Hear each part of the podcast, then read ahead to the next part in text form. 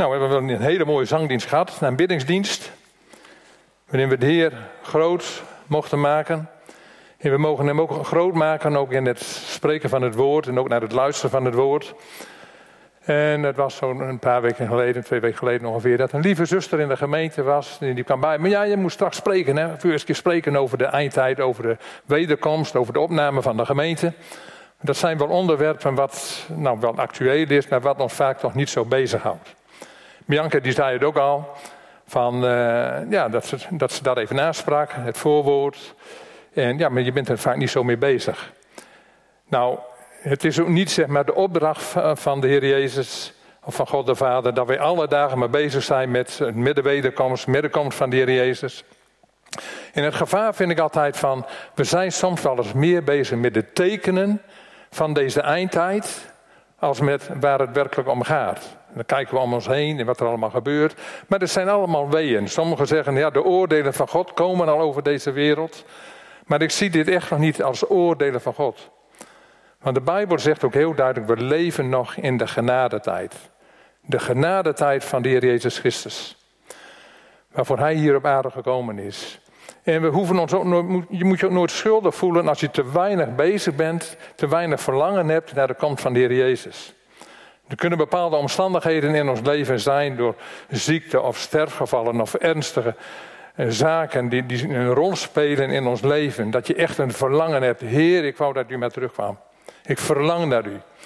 En je moet even denken aan de ouderen onder ons, die weten nog wel wat 65 2 bijvoorbeeld betekent. Dat is een lichting, militaire dienst. Toen ik in militaire dienst kwam was in 1965 en ik was daar van lichting 65-2. En dan denk je, waar, waar ga je nu heen, waar staat dit nu op? Maar we waren verliefd, verloofd, Lia en ik. Dus toen moest ik in dienst. We waren toen net verloofd, geloof ik. Meen het wel, maakt het niet uit. En dan ga je in dienst en dan ben je de eerste twee maanden ben je van huis.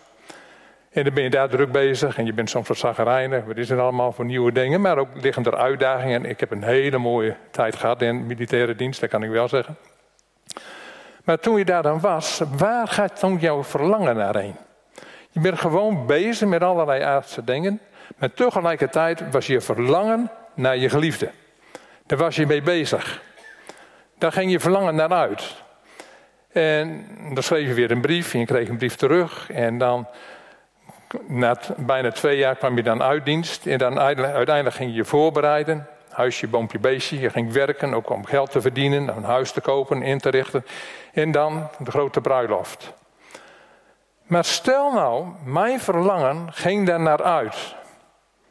Stel nou dat ik proefde bij Lia dat ze dat allemaal maar heel gewoon vond. Ja, nou, we gaan trouwen en dat hoort nu eenmaal bij het leven. Dat is ook de opdracht. En gezin stichten. Nou, dan zou ik wel een beetje teleurgesteld zijn. Ik zou nog erger teleurgesteld zijn als ze dat gewoon afwees. Ze zou zeggen van ja, jij hebt dat verlangen, maar ik niet. En daarom wou ik eens even kijken vanuit het verlangen van God de Vader naar, naar ons toe, naar zijn kinderen toe. God wil de zoon eren voor wat hij heeft gedaan voor ons. En nou moet je je niet schuldig gaan voelen als je er helemaal niet zo mee bezig bent met, met de komst van de Heer Jezus. Want uiteindelijk is het zo. Kijk, we kunnen hele goede dingen doen. Iemand die nog niet wedergeboren is, nog geen kind van God is, die kan hele geweldige goede dingen doen. Er wordt ook gesproken over iemand die echt rechtvaardige daden deed. mag je het zelf invullen aan wie ik nu denk. Maar dat zegt nog niks over jouw status naar God toe. Want iemand die nog niet wedergeboren is, is nog een zondaar, leeft nog in zonde als het ware. Dat is zijn status. Maar als je eenmaal wederom geboren bent en je hebt je leven naar de Heer Jezus gegeven, dan ben je een kind van God. Dan ben je gerechtvaardigd. Zo ziet God jou. Dat is onze status. Hij heeft, de Heer Jezus heeft de prijs betaald voor onze zonden. En ook al doen wij dan nog verkeerde dingen, of vertrouwen, te weinig vertrouwen, dat is ook, ook zonde. Of ja, je moet altijd niet denken aan zonde, dat zijn stelen en, en liegen en bedriegen en moorden en dat soort dingen. Maar we maken allemaal nog fouten in ons leven en er is niemand hier die hier zit die zonder zonde is. Allen hebben gezondigd, zegt Paulus, in missen de heerlijkheid van God. Maar door Gods werk, het werk wat de Heer Jezus heeft gedaan, daardoor zijn we gerechtvaardigd. En daarom willen wij, als het ware, onze bruidegom ook eren en hem de lof en de dank geven. En dan denk ik ook vaak van, hoe lezen we de Bijbel? Psalm 23 werd ook nog genoemd, doordat er in de bidstand voorkwam, dat weet ik niet. Maar als je dat gewoon even, we kennen zoveel teksten en psalmen en kennen we uit ons hoofd. Heer is mijn herder, mij ontbreekt niets.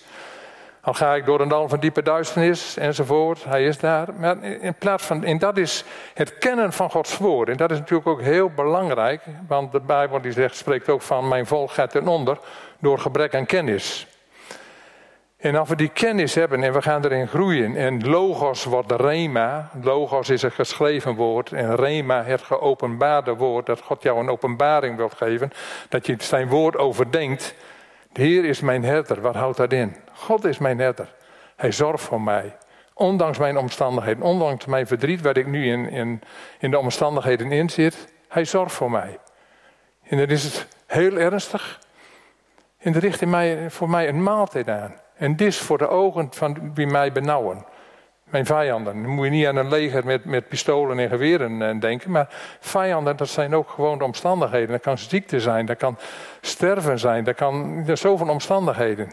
En wat doet de Heer dan? Wat doet de Herder dan? Hij richt voor jou een dis aan, een maaltijd. Voor de ogen van die mij benauwen, van alle omstandigheden. En dat is onze hemelse Vader. En de basis van onze hoop en onze zekerheid, dat weten we wel, is altijd weer het bloed van Jezus. Hij ontving de striemen op zijn rug. Hij heeft al onze zwakheden op zich genomen en onze ziekte eh, gedragen. En daarom mogen wij ook weten wat onze status is als kinderen van God, onderdeel van zijn bruid. En wij leven nu in de tijd tussen de hemelvaart van de Heer Jezus en zijn wederkomst. En ik denk dat we veel dichter bij zijn wederkomst zijn als de afstand van 2000 jaar geleden toen hij voor ons aan de kruis stierf en naar de hemel ging. En vanaf het moment dat Jezus de hemel voer, hij stierf aan de kruis en stond op bij de dood. En toen ging hij weer terug naar de hemel. En vanaf dat moment tot nu toe, leven totdat hij terugkeert op aarde, dat is eigenlijk een van de mooiste perioden van van de hele geschiedenis. Er is heel veel misgegaan, gelijk al in het begin. Paulus waarschuwde de gelaten al dat ze niet langer die genade omarmden. Daar gingen ze verkeerd mee om. Maar ze wilden ook weer de wet terug uh, invoeren. Dat ook de gelovigen, ook de heidenen moesten zich besnijden en, enzovoort enzovoort. Paulus die werd woest. Hij sprak, twee keer sprak hij daar een vloek over uit. Als je een andere boodschap brengt dan de genadeboodschap wat de Heer Jezus voor ons heeft gedaan, dan ben je vervloekt. En we zien door de eeuwen heen hoe het toch nou ook stuk gelopen is, dat de genade eigenlijk helemaal wegging. Maar we zien het toch de laatste 15, 20 jaar dat God die boodschap aan het herstellen is tot op de dag van vandaag. Wat het werkelijk inhoudt om onder zijn genade te leven. In die, in die periode leven wij. We leven niet onder de oordelen die over de aarde zullen gaan komen. We mogen nog in vrijheid wandelen en leven. We hebben er ook over gezongen, over genezing en herstel. En we mogen ook weten, en dat zijn cadeautjes die de Heer ons gegeven heeft, dat door zijn streamen zijn we genezen. We mogen dat als het ware pakken, dat is ook het logoswoord, eigenlijk niet het rema, maar het logoswoord. Dat door zijn streamen zijn we genezen, en dat mogen we zo ontvangen om niet. En dan denk je misschien bij jezelf, ja, maar ik ken die en die, die is nog ziek, we bidden ervoor. En er zijn omstandigheden overal, hebben wij ook geen antwoord op. Met één ding weet ik wel. Dat God laat niet varen het werk van zijn handen wat, is, wat hij is begonnen te doen. En moeten we nu echt ook bezig zijn met deze tijd, met de eindtijd? Bezig zijn met de komst van de Heer Jezus. Nou, als je kijkt naar de zeven gemeenten die uh, Johannes die kreeg openbaringen van de Heer Jezus zelf. En dat begon met de zeven gemeenten. En er is één gemeente bij, en dat is de gemeente Philadelphia. En er staat dan heel duidelijk, omdat gij het bevel bewaard hebt om mij te blijven verwachten, zal ik u bewaren voor de uren der verzoeking die over de hele wereld komen zal. Nou, dat is voor mij al een, een duidelijk teken dat de gemeente van Jezus Christus opgenomen wordt voor die grote verdrukking. Dus we leven nog niet in een grote verdrukking, maar dit zal nog komen nadat de gemeente opgenomen is. Sommigen denken er anders over, die denken tijdens de grote verdrukking, weer anderen na de grote verdrukking. We mogen er allemaal verschillend over denken. Ik wil ook niet zeggen van zo en zo is het, maar we weten nog niet wat na deze tijd eh, gaat komen. Dan kunnen we, hebben we nog niet al te veel inzicht. Maar als ik voor mezelf de Bijbel bestudeer, dan geloof ik dat de Heer Jezus zijn gemeente, zijn bruid haalt voor de grote verdrukking. En er staat dan een bevel. Dus die gemeente die kreeg een geweldig compliment. Omdat gij het bevel bewaard hebt. Om mij te blijven verwachten. Dus ze waren ermee bezig. Ze verwachten de komst van de Heer Jezus. En als ik kijk naar de geboden, de tien geboden bijvoorbeeld, dan zie ik nog niet dat God, ik geef jullie een bevel. Staat wel van, gij zult dit en gij zult dat. Maar een bevel, dat is, nou ik denk even weer een militaire dienst, de moet je aan gehoorzamen. Nou, we zien eigenlijk niet onze hemelse vader dat hij zo met zijn kinderen omgaat. Maar hier staat het toch wel. Omdat jullie mij hebben blijven verwacht, zal ik u bewaren voor de uren der verzoeking die over de hele wereld komen zal. En dan een grote avondmaal. Dat heb ik er even boven gezet, het grote avondmaal. Dan kwam ik laatst daar even van Spurgeon. Ik weet niet of je Spurgeon al kende. was een geweldige man van God, een geweldige theoloog. Van een 100, 150 jaar geleden geloof ik, misschien nog wel langer. Maar die had het dan over eh, het, eh, de bruiloft eh, en het avondmaal van het lam gods. Dat God de Vader had klaargemaakt in openbaring 19 staat dat dan. En die noemde dat het grote avondmaal. Ik dacht, nou, dat kan dus, vind ik wel een mooie titel. Ik had er ook boven kunnen zetten van de uitnodiging. En ik zat ook aan te denken van, zie, ik kom spoedig. Dat is ook zo'n zo mooie uitdrukking. Er staat diverse keren in de Bijbel, zie, ik kom spoedig, in het boek Openbaring. En dan moet ik even denken, wat is, zie, ik kom spoedig. Ik ben wel eens even bezig en Lia is aan het eten koken en is dan klaar. En dan roept ze van, eten is klaar hoor. Ja, ik kom er zo aan. Nou, dat is spoedig, ik kom spoedig, dat is al 2000 jaar geleden bijna dat de Heer Jezus dat zei. Maar dan denk ik altijd weer van God die staat buiten de tijd. Hij heeft alle de tijden heeft hij in zijn hand en God staat er helemaal buiten. Voor hem is één dag als duizend jaar en duizend jaar als één dag. En die uitdrukking die kennen we ook heel goed. Maar dan mag je er ook in verdiepen wat dat werkelijk betekent. Maar ik kom spoedig, van daaruit mogen we leven en wandelen. En dan hoef je niet alle dagen bezig te zijn van, oh, je moet gaan denken van, uh, van als ik er niet aan denk en stel dat de Heer Jezus komt en dan mis ik dat. Nee, je gaat er gewoon echt ontspannen mee om. Maar dat gaat er wel om, waar is je hart? En als Bianca dan zo even zegt van, ja, daar ben ik eigenlijk niet zo mee bezig. Maar ik weet wel dat haar hart op de goede plaats is. En dat is bij de Heer. En dat is belangrijk. Dus het gaat er niet om dat, of dat God zegt tegen jou: Ja, jij was er goed mee bezig en je wist precies zo een beetje dingen te vertellen over de eindtijd. En wanneer ik zou komen en de tekenen die eraan vooraf gingen. Dat gaat er niet om, lieve mensen.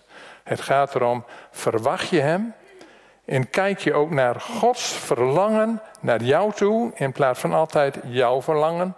In jouw verlangens die je hebt om dat bij God te brengen. Maar hou nu eens rekening met de verlangens van God de Vader dat Lia er rekening mee moest houden met de verlangens van mij, als het ware. En me daar niet in teleurgestelde. En dat kon natuurlijk ook andersom, dat ik erin teleurgestelde. Maar dit gaat nu even over God de Vader en zijn zoon, de Heer Jezus Christus, die een bruiloftsmaal gereed hebben gemaakt voor de gemeente. We gaan even een stukje lezen uit Lucas 14. Voordat uh, die lieve zuster mij vroeg om daarover te praten, en had ik al iets van: hé, hey, daar wil ik wel eens over spreken, over. Uh, uh, de gelijkenis van de verontschuldigen. Die werden uitgenodigd door de Heer Jezus. Dat staat in Lucas 14 vanaf vers 15. De Heer Jezus was ook uitgenodigd door een fariseer in een uh, maaltijd, een broodmaaltijd. En ze namen uh, nauwkeurig, uh, sloegen ze acht op hem, staat er in vers 1. En zie, er stond een waterzuchtig mens voor hem. En die fariseeërs die waren al benieuwd wat zou hij gaan doen op de Sabbat. Nou, ik zou zeggen, als ik erbij geweest was, ik zou wel willen zien dat er zo iemand genezen werd door de Heer. Daar waren zij niet mee bezig. Zij wilden de Heer Jezus betrappen. Wat ging hij op de Sabbat doen? En toen zei de Heer Jezus tegen hen van, nou is het geoorloofd op de Sabbat te genezen of niet? Nou, ze hielden zich toen stil. Nou, dan gaat het verder. Gaat verder nou niet in ons onderwerp over. Maar toen zei de Heer Jezus wel iets over de plaats die je inneemt. Want er waren allemaal genodigden. En die genodigden hadden allemaal een plekje ingenomen. Nou, die wel uh, een beetje vooraan. Niet zeg maar dat ze nederig waren en achterin gingen zitten. Maar ze gingen vooraan zitten, belangrijke plaatsen innemen. En daar zei de Heer Jezus wat van. En hij zei ook van wie je moet nodigen. we nodigen vaak de bekenden uit, die ons na aan het hart liggen. Vrienden, bekenden, familie. Maar wanneer je een maaltijd aanricht, nodig dan de bedelaars, misvormden, lammen en blinden uit. En toen iemand, en dat gaat er over vanaf vers 15, daar gaan we even lezen. Toen iemand van de disgenoten dat hoorde, zeide hij tot hem, tot de Heer Jezus: Zalig wie brood eten zal in het koninkrijk Gods. En toen zei de Heer Jezus tot hem: Iemand richtte een grote maaltijd aan en nodigde velen. En hij zond zijn slaaf uit tegen het uur van de maaltijd om tot de genodigden te zeggen: Komt, want het is nu gereed. En zij begonnen zich allen opeens te verontschuldigen. De eerste zeide tot hem: Ik heb een akker gekocht en ik moet die noodzakelijk gaan bezien. Ik verzoek u, houd mij voor verontschuldigd. En een ander zeide: Ik heb vijf span ossen gekocht en ik ga die keuren. Ik verzoek u, houd mij voor verontschuldigd. Zo weer een ander zeide: Ik heb een vrouw getrouwd en daarom kan ik niet komen. En de slaaf kwam terug en berichtte zijn heer des, deze dingen. Toen werd de heer des huizes toornig en zeide tot zijn slaaf: Ga aanstonds de straten en stegen der stad in en breng de bedelaars en misvormden en blinden en lammen hier. En de slaaf zei: Heer, wat gij hebt opgedragen is geschied en nog is er plaats. En de heer zeide tot de slaaf: Ga de wegen en de paden op en dwing hen binnen te komen, want mijn huis moet vol worden. Want ik zeg u, niemand van die mannen welke genodigd waren, zal van mijn maaltijd proeven. Nou, als je dan kijkt, wie waren de genodigden? Hier zitten de genodigden. Dat zijn wij. Dat zijn jullie en dat ben ik. En hoe reageren de genodigden? Waren ze nu met allerlei verkeerde dingen bezig? Met zondige dingen? Nee, gewoon hele normale dingen. Er was niks meer mee als je dat leest. En de een die begon zich te verontschuldigen, want ik heb een, een akker gekocht. Nou, jij hebt net een huis gekocht en daar heb je een afspraak met de notaris. En dus het moet allemaal doorgaan. De ander zei van, nou, ik heb een mooie auto gekocht en die uh, moet ik even gaan, gaan bekijken. Houd mij voor verontschuldigd weer. En de ander zei, ik heb een vrouw getrouwd. Nou, dat is ook heel belangrijk. Dat is ook nog bijbels ook. Dus het werden allemaal gewone, normale zaken van, van ons dagelijks leven. En daar is niks mis mee. Maar toch werd de Heer des huizes werd tonig dat niemand daarop inging. En toen zei hij van, nou dan gaan we naar de heggen en de steggen. En haal de bedelaars en de misvormden, haal die mee een, want mijn huis moet vol worden. En wat heeft het ons te zeggen? Waarom, dan kijk ik ook even van, waarom sprak deze, de heer Jezus deze gelijkenis uit? Ik denk dat hij gelijk moest denken aan een grote bruiloftsmaal die gereed zou komen, die zijn vader in de hemel zou klaarmaken voor hem als bruidegom. Maar later, dat we zo nog even in Matthäus 12, heeft de Heer Jezus ook een heel duidelijke uitnodiging voor die bruiloftsmaal. Daar gaan we zo nog even naar kijken. Maar als we kijken hoe de situatie van de Joden was, ook het volk Israël, hoe ze keken naar de komst van de Messias, dan waren ze daar ook echt mee bezig. Ze verwachten de komst van de Messias. De orthodoxe Joden verwachten dat nog steeds. En ze kenden de schrift, misschien nog wel veel beter dan wij dat kenden. Toen de wijzen uit het oosten kwamen, toen ze die ster volgden, hadden ze ontdekt dat er een koning geboren was. Toen kwamen ze in Jeruzalem en toen vroegen ze Herodes wat dat betekende. We deden Herodes, die haalde de fariseeërs, de schriftgeleerden erbij, wat dit betekende. En ze wisten exact te vertellen dat de Messias zou komen en zou geboren worden in, uh, in Bethlehem. Dus al die andere profetieën in het Oude Testament aangaande de eerste komst van de Heer Jezus, die waren geprofeteerd en die kenden zij, gegarandeerd. En waarom zeiden ze dan toch nog nee tegen de Heer Jezus? En ze wilden hem moorden, doden ook in opdracht van God, omdat de Bijbel dat zegt. ze, dat hij schendt de heiligheid van God. En dat was verschrikkelijk, er stond de doodstraf op. Hoe kan dat? Terwijl ze de schriften hadden. Nou, als je even kijkt naar hun situatie, wat was hun verwachtingspatroon? Eigenlijk een bevrijder van de aardse vijanden om hen heen. Ze dachten weer aan de koningschap van David. Zacharia 14. De Heer over de kom staan. De Heer zal uittrekken om tegen die volken te strijden. Zijn voeten zullen op die dag de olijfberg midden doorsplijten. En de Heere zal koning worden over de hele aarde. Die verwachting hadden ze over de komst van de Messias. Zelfs in Handelingen 1, de discipelen, na de opstanding.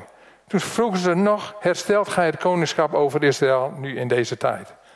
Dat hadden ze nog steeds niet begrepen eigenlijk. De Heer Jezus had heel duidelijk tegen Pilatus gezegd, mijn koninkrijk is niet van deze aarde. Maar als dat zo was, want ik heb een hemels koninkrijk. Mijn koninkrijk is van de hemel. Maar als van de aarde was, dan zouden mijn dienaren gekomen zijn en die hadden alles tegengehouden. En dat is wel het gevaar van, van hoe ze toen dachten over het koningschap, over een aards koningschap. Maar je ziet vandaag aan de dag ook een beweging wereldwijd. Dat is de Kingdom Now Movement. Die gaat over de hele wereld van gedachten van dat de gemeente van Jezus Christus, die stelt apostelen en profeten aan om het koninkrijk van God klaar te maken hier op aarde. Dat de hele aarde klaar is voor het koninkrijk Gods. En dat de Heer Jezus dan komt om dat koninkrijk te ervaren en op te nemen. En dat kan er nog wel jaren, nog honderden, misschien nog wel duizenden jaren duren. Maar voordat het zover is dat wij als gemeente de aarde helemaal klaar kunnen maken voor het koninkrijk van God. Dus dat is een gevaarlijk denken. En die tendens, die zie je, ik weet niet of je dat wel eens opgevallen is, maar die zie je over de hele wereld, dat denken. En dat de Heer Jezus dan pas terugkomt. Er zijn nog veel meer bewegingen, we gaan het nu allemaal niet noemen. Verdiep je er maar eens in. Ik mag me er altijd graag in verdiepen. In dat soort dingen. Maar ze wezen de Heer Jezus af. En ook nog een profetie was er die de Heer Jezus bewust vervulde. Toen hij op die ezel gezeten was. Hosanna, Hosanna voor de komst van de Heer Jezus. En toen dachten de mensen, ja, hij neemt het koningschap neemt hij aan. En nou gaat hij het juk van Rome over ons, het Romeinse juk, gaat hij verbreken en neemt hij het koningschap aan. Wordt dat koningschap over Israël weer hervormd. En wat gebeurde? De Heer Jezus, hij weende over Jeruzalem. En vlak daarna, toen ging hij de tempel binnen en hoorde alle geldwisselaars, die hoorden uit uit de tempel. Toen zagen ze in één keer, nee, dit is de Messias niet. En ze verwierpen hem en ze hebben hem gekruisigd. Hoe tragisch. Hoe tragisch is die gebeurtenis geweest. En we hoeven ons helemaal niet op de borst te slaan dat wij, wij zouden zeggen van nou dat was ons nooit overkomen. Als wij daar geweest waren hadden we dezelfde gedachten gehad. En dan kun je wel zeggen, maar moest kijken naar al die wonderen die de Heer Jezus deed. Daar, daar konden ze toch niet aan voorbij gaan. Ja, maar vandaag aan de dag, de Heer Jezus waarschuwde er ook voor. Er kunnen ook valse profeten en valse messiassen komen die ons kunnen misleiden. Maar als ik nou zeg over de wederkomst van de Heer Jezus, de uitnodiging die er ligt, als beschreven ook in Openbaring 19, vers 9, zalig zij die genodigd zijn om deel te hebben aan het avondmaal van de bruiloft van het lam. Zeg je dat dan nog iets? Of is dat een ver van mijn bedshow, om het zo maar te zeggen? Houd ik me niet zo mee bezig. Maar laten we hier toch niet over, onverschillig over zijn. Wat ik al zei, als je hart maar op een goede plek is, dan is het oké. Maar we willen nou nog even kijken naar een uh, andere gelijkenis die de Heer Jezus deed over, uh, nou in een serie gelijkenis in hoofdstuk 22 van Matthäus. En daar staat dan boven het koninklijke bruiloftsmaal. En die dingen, dit een gedeelte is speciaal voor de eindtijd bruidsgemeente. 2000 jaar geleden dat de Heer Jezus deze gelijkenis vertelde, maar het is nu heel actueel. Of eigenlijk altijd al actueel geweest maar nu ook zeer zeker. Hij sprak wederom in gelijkenissen tot hen en zeide: Het koninkrijk der hemelen is gelijk. Kijk, ik ga het ook weer over, niet over een aards koninkrijk, maar over het koninkrijk der hemelen. Is gelijk aan een koning die voor zijn zoon een bruiloft aanrichtte. En hij zond zijn slaven uit om de ter bruiloft genodigden te roepen. Doch zij wilden niet komen. Wederom zond hij andere slaven uit met de boodschap: Zegt de genodigden: Zie, ik heb mijn maaltijd bereid. Mijn ossen en gemeste beesten zijn geslacht. En alles is gereed. Komt tot de bruiloft. Maar zij sloegen er geen acht op en gingen heen. De een naar zijn akker, de ander naar zijn zaken. De overigen grepen zijn slaven en zij mishandelden en doden hen. Dat is nog erger. En de koning werd toornig en hij zond zijn legers uit en verdelde die moordenaars en stak hun stad in brand. Toen zeide hij tot zijn slaven, de bruiloft is wel gereed, maar de genodigden waren het niet waard. Wat een ernstig woord. De genodigden waren het niet waard. Nou, ik weet wel, zoals wij zitten, zo, voor zover ik jullie ken, dan weten we dat we het wel waard zijn. Maar anders was je niet gekomen. Je bent niet gekomen omdat je de Heer Jezus wilt ontmoeten. Maar als je dan ook gelijk op vers 2 even zo neemt. Een koning, dat is God de Vader. En hij wil zijn zoon eren. Als je daar eens goed naar kijkt. God heeft zijn zoon gegeven. Als een losvrijheid voor velen. Gekruisigd. Op een gegeven ogenblik dat de Heer Jezus daar een kruis hing. En God, die, God de Vader keerde zich er helemaal van af. En dat de Heer Jezus toen ook schreeuwde. Mijn God, mijn God. Hij zei, altijd, hij zei nooit mijn God. Hij had het altijd over zijn vader. En dan in één keer, God die nam er helemaal een afkeer van. Van zijn zoon. Vanwege de schuld van de hele zonderlast die op de Heer Jezus gegooid werd. Hij heeft onze schuld, onze zonderlast heeft hij gedragen. Hij heeft de prijs van alles, van een ziekte en noem maar op, heeft hij gedragen voor ons. Opdat wij genezing zouden ontvangen. Geest, ziel en lichaam in de allereerste plaats om ons behouden is. En God de Vader, vanuit zijn liefde naar deze wereld toe. Al zo lief had God deze wereld, deze hele wereld. Kennen die tekst. En hij gaf zijn zoon. Soms draaien we de dingen wel eens om, denk ik. Als we kijken van, ook weer naar de gemeente, van de gemeente, daar Efeze geloof ik, in uh, Handelingen. Daar zegt uh, de heer Jezus tegen Johannes, ik heb tegen jullie dat je je eerste liefde hebt verzaakt. Dan denk ik wel eens, wat zou de Heer Jezus daarmee bedoeld hebben? Wij denken altijd onze liefde naar Hem toe. Dat we dat een beetje verwaarlozen. Maar draai het nu eens even om. Ik heb tegen jullie dat jullie mijn liefde voor jullie hebt verzaakt. Dat is ook een ander uitgangspunt. Je kunt het van twee kanten bekijken. Wij bekijken het altijd maar van één kant. Onze liefde naar God toe hebben wij verzaakt. Maar in hoeverre hebben wij verzaakt om te weten Gods liefde voor ons, voor jou, voor mij persoonlijk. In alle omstandigheden. En daarom wil God de Vader, die wil zijn zoon eren. Waarom? Vanwege wat hij voor ons heeft gedaan. Zoals wij het avondmaal ook vieren, zegt de Heer Jezus op een gegeven ogenblik: Ik heb vurig begeerd deze maaltijd met jullie. Brood en bloed.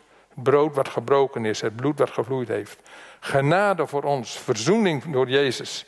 En de, de God de Vader wil zijn zoon eren met zijn bruid en de, gemeente. Ik zou zeggen, ja, maar en Israël dan? Is Israël niet de bruid?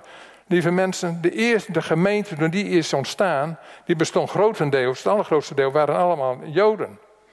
Dus de gemeente, de bruid van Christus, dat is zowel de bekeerlingen uit de heiden als de bekeerlingen uit het Joodse volk. Dat is de bruid van Christus. En dan heeft zeer zeker het volk Israël een plaats en een bestemming in de gedachten van God. God is zijn volk niet vergeten en hij is er druk mee bezig. 1948 zijn ze weer helemaal teruggekomen. Het is natuurlijk weer een heel ander onderwerp, dus daar ga ik verder niet op in. Maar ik denk dat dit dan ook een boodschap is, speciaal voor de eindtijdgemeente. Onze generatie. Herstel van de genadeboodschap in deze tijd. En dan heb ik nog steeds iets van, wat heeft het ons allemaal te zeggen? Hoe zijn onze gedachten, onze gevoelens, onze hoop, ons verlangen in deze tijd, vlak voor zijn komst? Zijn we meer bezig met de dingen, met de omstandigheden die allemaal over deze aarde komen? En coronavirus, en hoe loopt het allemaal af? En wel vaccineren, niet vaccineren. En wat moeten we doen? Iedereen ik zeg dan maar, je doet het met de Heer. Je laat je vaccineren en dat doe je met de Heer. Wil je niet laten vaccineren, dat doe je met de Heer. En anders ben je in beide gevallen als kinderen van God ben je verkeerd bezig. Dus we leggen elkaar nooit iets op. Een ander onderwerp. Maar hoe bereiden wij ons voor? Nou, ik heb zo straks al even genoemd van in 1965 toen in dienst was. Mijn verlangens naar mijn bruid, om het zo maar te zeggen. En hoe wordt dat beantwoord? En wat verwacht God dan van ons?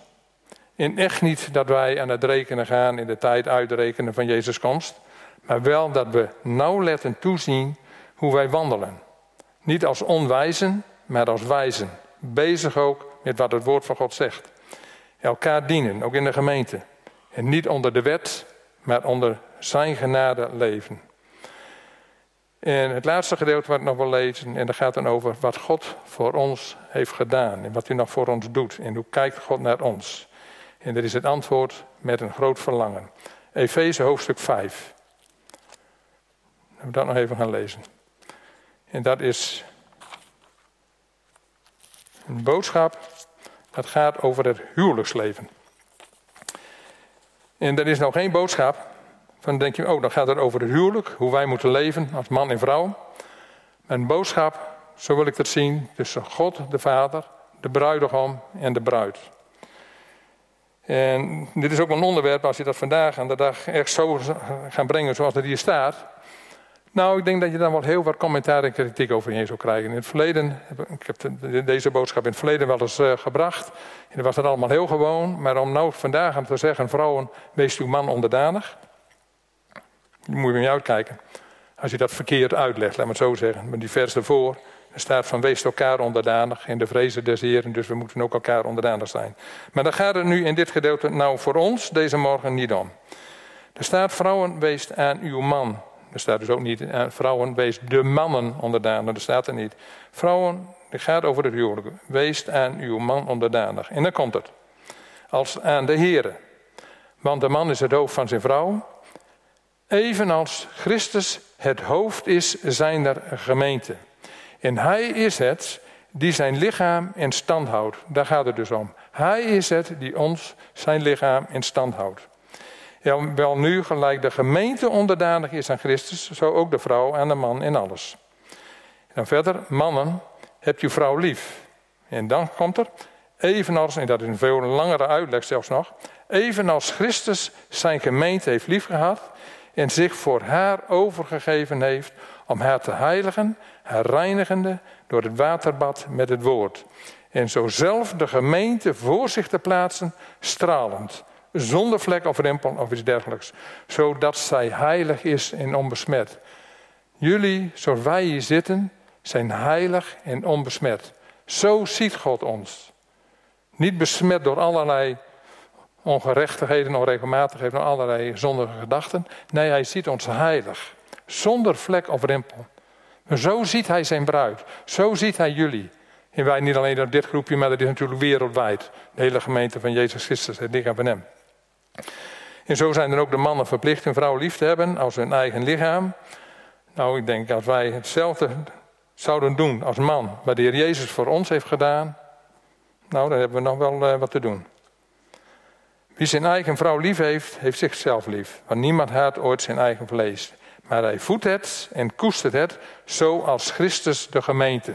Hij voedt ons en hij koestert ons. Ook telkens als we bijeenkomen, ook door de aanbidding, maar ook door het woord, wil hij ons voeden en wil hij ons koesteren. Omdat wij leden zijn van zijn lichaam. En daarom zal een man zijn vader en zijn moeder verlaten en zijn vrouw aanhangen. En die twee zullen tot één vlees zijn. En dan staat er, dit geheimenis is groot. Doch ik spreek met het oog op Christus en op de gemeente. Eén zijn met Christus. Zoals de eenwording tussen man en vrouw. De lichamelijke eenheid. De seksuele eenheid. Zo is onze eenheid met Heer Jezus Christus een geheimenis. Je kunt je daar niet voorstellen. Dit, zo spreekt het woord. Doch ik spreek met het oog op Christus en op de gemeente.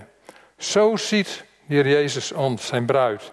En misschien dat hij altijd wel, ik praat gewoon even, je mag gewoon een beetje fantaseren daar in de hemel tegen God de Vader zegt van, wanneer mag ik er nog heen gaan? Wanneer mag ik mijn bruid halen? Wanneer mag ik mijn bruid zien? Wanneer mag ik gaan dat ze mij tegemoet gaan in de, in de lucht? Weet je natuurlijk niet, maar als je het verlangen van God en van de Heer Jezus ziet, dan zou je daar best wat kunnen voorstellen. Dit geheimenis is groot. Net als de opname ook een geheimenis is, maar wel aan ons geopenbaard. En dan tot slot, Openbaring 19, vanaf vers 6. Dat heb ik ook nog doorgegeven, geloof ik, ja. En ik hoorde als een stem van een grote schare en als een stem van vele wateren en als een stem van zware donderslagen, zeggende, Halleluja, want de Heere, onze God, de Almachtige, heeft het koningschap aanvaard. Laten wij blijde zijn en vreugde bedrijven en hem de eer geven, want de bruiloft van het lam is gekomen en zijn vrouw heeft zich gereed gemaakt. Zo mogen wij gereed zijn. En haar is gegeven zich met blinkend en smetloos fijn linnen te kleden. Want dit fijne linnen zijn de rechtvaardige daden der heiligen. En hij zeide tot mij, schrijf, zalig zij die genodigd zijn tot het bruiloftsmaal des lams. En hij zeide tot mij, dit zijn de waarachtige woorden van God. Het bruiloftsmaal, en dat is de, grote maaltijd. En dit zijn de waarachtige woorden van God. Halleluja. En de bruid en de geest, en, en de geest en de bruid zeggen kom. En wie het hoort, zeggen kom. En wie dorst heeft, komen. En wie wil, nemen het water des levens om niet. En hij die deze dingen getuigt zegt, ja, ik kom spoedig. Amen, kom, Heer Jezus. Dat zijn de laatste woorden uit de openbaring. Dat eindigt met een geweldige zegen. Wist je dat het Oude Testament afstroopt met een vloek? Het Nieuwe Testament eindigt met een geweldige zegen. En de genade van de Heer Jezus Christus zij met allen. En de samenvatting van deze boodschap van vanmorgen, dat is eigenlijk: het is Gods liefde voor jou dat Hij jou erbij wilt hebben. Ook jou als individu. Dat is de samenvatting eigenlijk van vanmorgen. Het is Gods liefde voor jou dat Hij jou erbij wil hebben. Zullen we ons hoofd buigen? Heer Jezus, dank u wel voor uw woord. Heer, dank u wel dat u ook ja, zoveel hebt openbaringen gegeven in uw woord. En dat het ook allemaal het woord mag zijn wat leven geeft. Dat we dat ook werkelijk mogen ervaren. Dat we uw woord ook overdenken. Ook in de tijd waarin we leven. Over de opname van de gemeente. De, de wederkomst van u. Er is vaak zoveel verwarring over. En dat hoeft helemaal niet. Heer, het gaat er ook altijd weer om, wat ik al eerder genoemd heb, dat ons hart op de juiste plaats is. Maar één ding weet, weet ik wel, Heer, het is uw liefde voor mij persoonlijk, voor iedereen, elk individu die hier zit. Dat u ook mij en ook jou erbij wilt hebben. Dat is het verlangen van God de Vader. Dat is het verlangen van de Heer Jezus. Het is nogal wat, wat Hij voor jou heeft gedaan hier op aarde 2000 jaar geleden. Alle schuld op zich genomen. Een relatie tussen jou en God de Vader is hersteld. Dank u wel, Heer, dat we zo dit woord van u mogen ontvangen.